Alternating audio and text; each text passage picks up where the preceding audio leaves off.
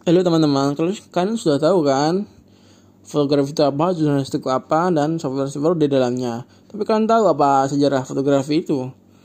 Pada sejarah fotografi ada beberapa nama yang telah memberikan kontribusi bagi perkembangan dunia fotografi sampai saat ini.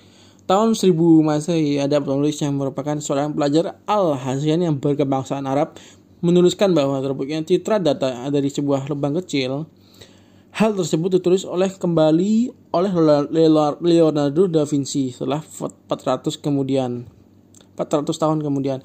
Melalui buku yang dituliskannya, Battista Delta Porta juga menuliskan teori tentang citra data dari sebuah lubang kecil.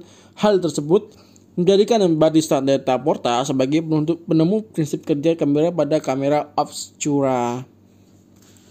Angelo Sala pada awal 17 mampu menemukan serbuk perak yang bisa merubah menjadi hitam ketika sabuk perak tersebut kena cahaya.